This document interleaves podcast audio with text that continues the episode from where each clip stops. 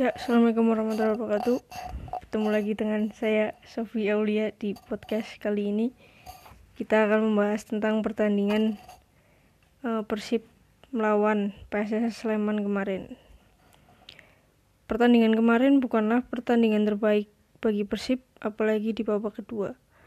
Salah satu gol yang dicetak oleh Persib hanya seperti di passing biasa dari tiga pertandingan lebih enak melihat Persib saat melawan Arema pada waktu itu.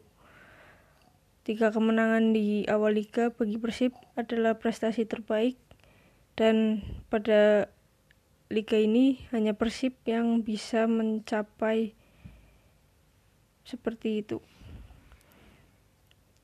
Dan sekarang dengan raihan 9 poin Persib menjadi pemuncak klasemen di Liga 1 dan menjadi top skor pada liga ini.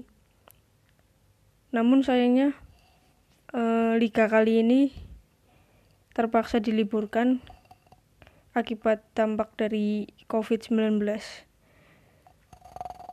Harapannya untuk ke depan semoga wabah COVID-19 ini cepat berakhir dan kita bisa segera menyaksikan kelanjutan dari liga ini.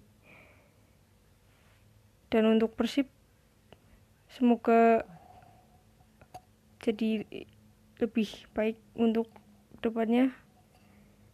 Hanya ya itulah sekian podcast dari saya. Wassalamualaikum warahmatullahi wabarakatuh.